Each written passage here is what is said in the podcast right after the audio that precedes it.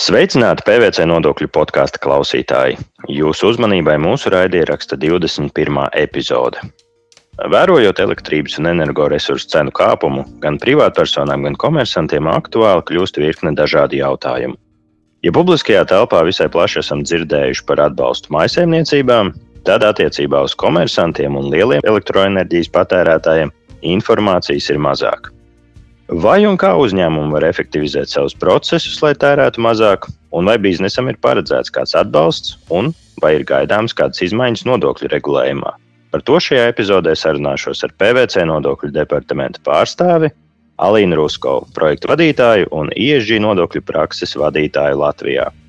Labdien, Alīna! Labdien! Alīna, varbūt tu vari ieviest skaidrību, cik daudz elektroenerģijas jātērē biznesam, lai tiktu uzskatīts, ka uzņēmums patērē daudz. Kas ir šie energopatērējušie biznesi, vai vari minēt lūdzu arī dažus piemērus? No uzņēmumu vadītājiem bieži vien nākas dzirdēt atsauksmes, ka viņu bizness ir energopatērējošs un ka viņi ļoti gaida kādu atbalstu, lai kompensētu enerģijas un kopumā arī resursu cenu kāpumu. Un jāsaprot, ka šis cenu kāpums un kopumā inflācija skar visas nozares. Bet tajā pašā laikā mēs nevaram par katru uzņēmumu teikt, ka tas patērē daudz enerģijas. Šis te daudz vai maz, tas ir ļoti subjektīvi, un bieži vien tas ir biznesa vadītāja tomēr emocijās balstīts apgalvojums. Un šeit es vēlos skaidrot, ka Latvijā Jau vairākus gadus ir spēkā energoefektivitātes likums, kas arī definē šo lielā elektroenerģijas patērētāja jēdzienu. Saskaņā ar minēto likumu tas ir tāds uzņēmums, kas divus gadus pēc kārtas patērē vismaz 500 MWh elektroenerģijas gadā.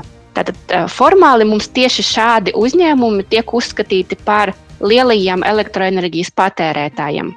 Es vēlos skaidrot, kā energoefektivitātes likums definē arī lielā uzņēmuma jēdzienu, un lielais uzņēmums savukārt ir tāds, kam nodarbināti vismaz 249 darbinieki, vai kura pārskata gada apgrozījums pārsniedz 50 miljonus eiro un gada bilance kopumā pārsniedz 43 miljonus eiro. Arī lielos uzņēmumus, lai iekļautu šādu lielo uzņēmumu sarakstā, vērtē divus gadus pēc kārtas uzņēmumam pašam nav jāmin, vai tas tiktu uzskatīts par lielo uzņēmumu vai lielo elektroenerģijas patērētāju, jo šos rādītājus kontrolē Būvniecības valsts kontrolas birojas un centrālā statistikas pārvalde. Un, attiecīgi, šādu uzņēmumu saraksti tiek publicēti. Lielo elektroenerģijas patērētāju sarakstu publicē Būvniecības valsts kontrolas birojas un lielo uzņēmumu sarakstu publicē Centrālā statistikas pārvalde. Tas tiek darīts reizi gadā. Attiecīgi, uzņēmums reizi gadā var saņemt informāciju, vai viņš ir iekļauts kādā no šiem sarakstiem. Un tā kā šie saraksti ir publiski, tad es arī labprāt pieminētu dažus uzņēmumus, lai ir skaidrs, ka, piemēram, ražojošie uzņēmumi bieži vien ir šie lielie elektroenerģijas patērētāji. Piemēram, par pagājušo gadu sarakstā mums ir Rīgas piena kombinācija akciju sabiedrība, Dobeles dzirnavnieks, Grindeks un pārsvarā visi lielie ražotāji būs šajā sarakstā. Arī mazumtirgotāji, kam ir veikalu tīkli un tiek diezgan daudz izmantots piemēram, apgaismojums veikalos, Lidl, Rīgā, Maksima, tie visi ir šajā sarakstā. Un bankas un atbalsta centri bieži vien uh, arī ir vai nu abos uh, sarakstos, gan kā lielie uzņēmumi, gan kā lielie elektroenerģijas patērētāji, vai vismaz vienā no tiem sarakstiem. Tu pieminēji energoefektivitātes likumu un to, ka šis likums definē šos lielos elektroenerģijas patērētājus. Vai var paskaidrot, vai energoefektivitātes likums paredz arī kādus labumus vai, vai atvieglojumus šādiem uzņēmumiem? Īstenībā šī energoefektivitātes likuma mērķis ir tāds globālāks, nevis tikai kā, domāt par varbūt kaut kādiem atvieglojumiem, bet domāt par racionālu energoresursu izmantošanu un pārvaldību, tad palīdzēt biznesam varbūt atrast tās energo neefektīvās lietas un procesus. Jā. Tātad, godīgi sakot, un arī lasot likumu pēc burta, tas drīzāk palīdz atbildīgajām iestādēm definēt kontrolas mehānismus mehānismus šādiem lielajiem elektroenerģijas patērētājiem, lai turpmāk varētu palīdzēt šim biznesam uzraudzīt procesu energo efektivitāti. Un, um, minēšu dažas prasības, kas attiecas gan uz lielajiem elektroenerģijas patērētājiem, gan uz lielajiem uzņēmumiem. Kad viņi tiek iekļauti sarakstā, tad uh, ir uh, vai nu jāveic uh, energoauditu. Tas ir veicams vienreiz pēc iekļūšanas sarakstā, un pēc tam ir četrus gadus. Vai kā alternatīva biznesa var uh, ieviest un uzturēt certificētu energopārvaldības sistēmu, vai certificētu papildināto vides pārvaldības sistēmu, ja, atbilstoši standartiem. Un pēc tam, kad uh, tiek veikts šis audits, ar to viss nebeidzas, jo uh, uzņēmumam ir pienākums norādīt un arī ieviest vismaz trīs energoefektivitātes uzlabošanas pasākumus, tos, kas ir ar vislielāko novērtēto enerģijas ietaupījumu vai ekonomisko atdevi. Tātad tev ir audits, pēc audita tiek konstatētas problemātiskākās lietas un lielākie trūkumi no energoefektivitātes viedokļa. Un, principā, uzņēmumam rodas pienākums strādāt un novērst tieši šīs problemātiskās lietas. Ja, un, teiksim, likums paredz arī vairākus termiņus, kas būtu jāievēro. Šobrīd pieminēšu tikai to, ka uh, gada laikā pēc iekļūšanas sarakstā principā ir vai nu šis audits, vai nu viena no minētajām certificētām sistēmām. Un pārējiem termiņiem es vienkārši iesaku sekot līdzi atbilstoši likumam. Un gribētu pieminēt arī to, ka uzņēmumi tiek kontrolēti un gadījumā, ja lielais uzņēmums nepildā energoefektivitātes likuma prasības, tad tiek piemērota piespiedu nauda, kas ir no 100 eiro līdz 10 tūkstošiem eiro. Savukārt, lielais elektroenerģijas patērētājs, ja viņš neveic auditu un neievieš šos energoefektivitātes pasākumus, kļūst par tādas energoefektivitātes nodevas maksātāju. Alīna, es pieļauju, ka mūsu klausītāji iespējams pirmo reizi dzird par šādu energoefektivitātes nodevu. Vai var lūdzu pastāstīt par šo nodevu vairāk, un vai es pareizi saprotu, ka faktiski nodokļu maksātājs, šajā gadījumā uzņēmums, var izvēlēties vai nu pildīt šīs energoefektivitātes likuma prasības, respektīvi veikt energoauditu un pēc tam realizēt šos energoefektivitāti veicinošos pasākumus, vai kā alternatīvu uzņēmums var samaksāt šo nodevu? Ja mēs šim jautājumam pieejam ļoti formāli, ja tu nepildi energoefektivitātes prasības, tad uzņēmums kļūst par šīs energoefektivitātes nodevas maksātāju. Praksē, godīgi sakot, es neesmu saskārusies ar situāciju, Tas ir gadījumā, ja nodokļu maksātājiem piemēro energoefektivitātes nodevu, ka iestāde būtu atgriezusies pie uzņēmuma un mēģinātu pierādīt, ka uzņēmuma vadība ir tīšām izvēlējusies nepildīt šī likuma prasības, jo vienkārši samaksāt šo nodevu būtu lētāk. Un, jā, tiešām var tā sanākt, ka samaksāt nodevu ir lētāk nekā veikt ar energoefektivitātes uzlabošanu saistītos pasākumus. Mēs ar kolēģiem pareikinājām, ka tādam uzņēmumu, kas tik, tikko kvalificēs lielo elektroenerģijas patērētāju statusu, tas ir tērē tos 500 MWh, tās 500 MWh gadā, nodeva izmaksāt nedaudz vairāk par 3000 eiro. Tomēr tādiem lielākiem ražotājiem, un šeit es gribu stāstīt par vienu piemēru, kuru uzņēmums ir, kas ražo elektronikas eh, komponentes patērē vairāk kā 2000 MWh gadā, tad nodeva būtu jau virs 14,000 eiro.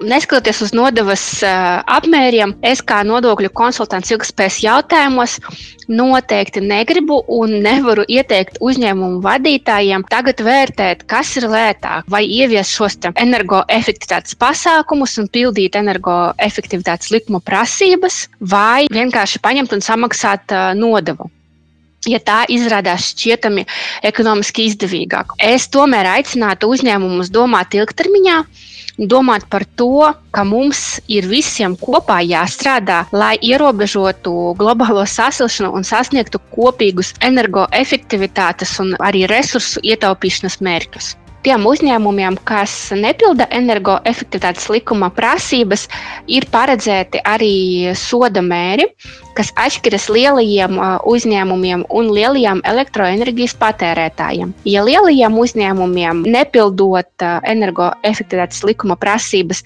tiek piemērota piespiedu nauda, kas var būt no 100 eiro līdz 10 tūkstošiem eiro. Tad ar lielajiem elektroenerģijas patērētājiem situācija atšķiras, jo tie šādā gadījumā kļūst par energoefektivitātes nodevas maksātājiem. Ko maksā tātad lielie elektroenerģijas patērētāji, kuri nav izpildījuši energoefektivitātes likuma prasības. Un šāda nodeva ir 7% uh, apmērā no iepriekšējā gadā patērētās elektroenerģijas uh, izmaksas. Alīna, es pilnībā pievienojos tavam viedoklim šajā jautājumā un piekrītu, ka uh, samaksāt nodevu tas nav ilgtermiņa risinājums. Un uzņēmumiem būtu tomēr jāskatās uz iespējām, kā uzlabot energoefektivitāti ilgtermiņā. Saki, lūdzu, vai šajā sakarā uzņēmumi var tuvākajā laikā sagaidīt kādu atbalsta programmu? Kā mēs uzsākām šo sarunu tieši eh, ar to, ka biznesa eh, vaicā un gaida kādu atbalstu, un par laimi eh, šobrīd tiek attīstīta viena atbalsta programma tieši energoefektivitātes veicināšanas pasākumiem. Programmu noteiks tādi ministra kabineta noteikumi numur 340. Un pirms ieslīgt detaļās vēlos teikt, ka šobrīd tiek gatavots šo noteikumu grozījumu projekts. Sākotnēji vasarā MK noteikumi numur 340 tika jau pieņemti Attiecīgi, mēs kā konsultanti jau šo jautājumu izpētījām, un mums jau bija vīzija, kāds atbalsts būs pieejams.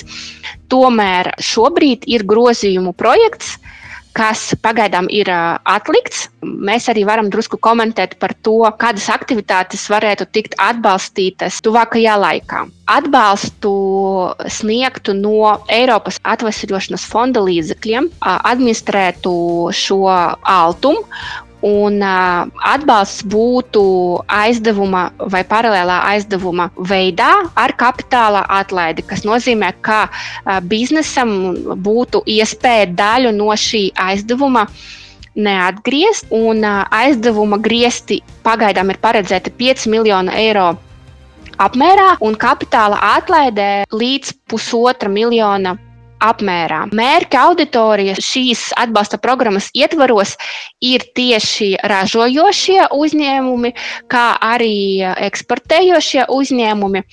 Pirmie um, varēs pieteikties jebkāds no C kategorijas nāca kodiem, kas ir apstrādes rūpniecība. Taču arī citas nozares varēs pieteikties, izņemot dažas, kas ir norādītas kā neatbalstāmās nozares. Par to es arī uh, īsi pastāstīšu. Un atbalstu varētu saņemt izmaksām, kas ir saistītas ar ēku, energoefektivitāti, konkrēti būvdarbi, nedzīvojamās ēkas, noliktavu un ražošanas teritoriju inženieru sistēmu atjaunošanai, pārbūvēju un izveidēju, ražošanas iekārtu nomaiņai pret efektīvākām iekārtām sekundāro energoresursu atgūšanai no ražošanas tehnoloģiskiem procesiem, energoefektīvākā apgaismojuma uzstādīšanai, arī citiem procesiem, kas ir saistīti tieši ar ēku energoefektivitāti. Un otra teiksim, darbību kategorija ir saistīta ar alternatīvām enerģijām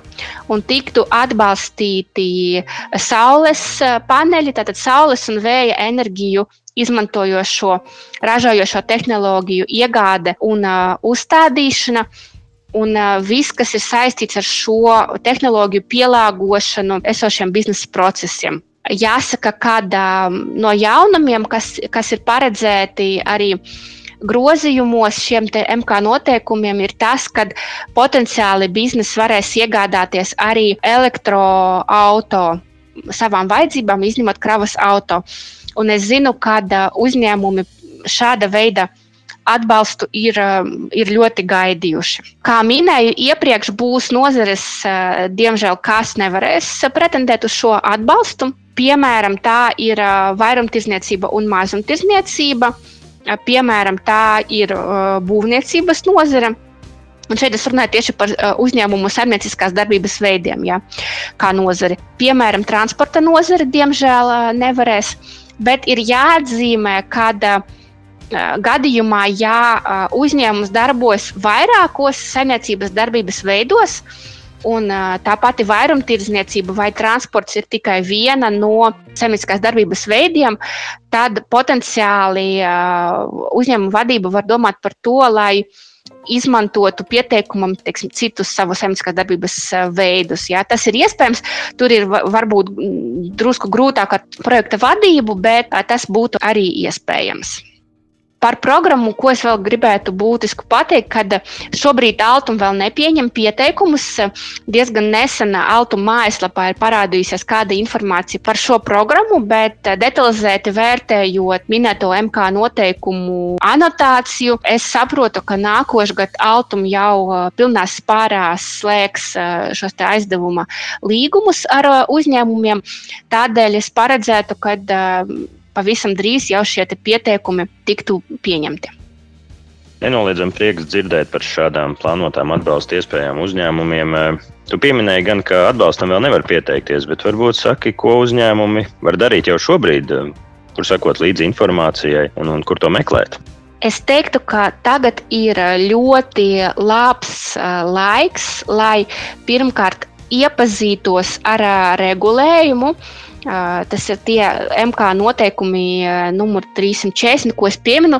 Tiem ir ļoti garš nosaukums, tāpēc atvainojiet, klausītāji, es operēšu ar to skaitli visu laiku. Jā, un arī ir jau publiski pieejama informācija par šo programmu. Gan Altuma mājaslapā ir informācija, gan arī mūsu PricewaterhouseCoopers Mindlink LV platformā ir pieejams atvērtais raksts par, par šo programmu. Un šobrīd ir ļoti būtiski izvērtēt, apzināties, kādi energoefektivitātes pasākumi uzņēmumam būtu nepieciešami, un vai šie pasākumi, aktivitātes varētu kvalificēties kā atbalstāmās darbības iekš šīs programmas. Īpaši es aicinu par to padomāt lielos elektroenerģijas patērētājus. Neveltīgi mēs iesakām mūsu sarunu tieši par lieliem elektroenerģijas patērētājiem, jo šādiem uzņēmumiem potenciāli jau tika veikts vai tuvākajā laikā tiks veikts energoaudits. Attiecīgi, jūs, mūsu klausītāji, kas vada šādus uzņēmumus un strādā šādos uzņēmumos, visdrīzāk jau zināt, kur jūsu biznesam būtu nepieciešami uzlabojumi no energoefektivitātes viedokļa. Jums šie pasākumi, šie energoefektivitātes pasākumi ir obligāti. Tātad būtu diezgan uh, labi, ja jūs šiem obligātiem pasākumiem arī varētu saņemt uh, atbalstu. Un arī uh, šādiem lielajiem elektroenerģijas patērētājiem energoaudita rezultāti var kalpot par pamatu projekta teiksim, izstrādē un iesniegšanai Altum. Alīna, paldies par sarunu. Saudzēsim kopā mūsu planētu un pieiesim ilgspējas jautājumiem atbildīgi. Šajā epizodē par pieejamo atbalstu uzņēmumiem un energoefektivitāti veicinošiem pasākumiem sarunājos ar PVC nodokļu departamenta projektu vadītāju un ISG nodokļu prakses vadītāju Latvijā Alīnu Ruskovu. Mans vārds ir Kalvis Gavars. Paldies, ka klausījāties, un tiekamies atkal mūsu nākamajās PVC nodokļu podkāstu epizodēs. Uz redzēšanos!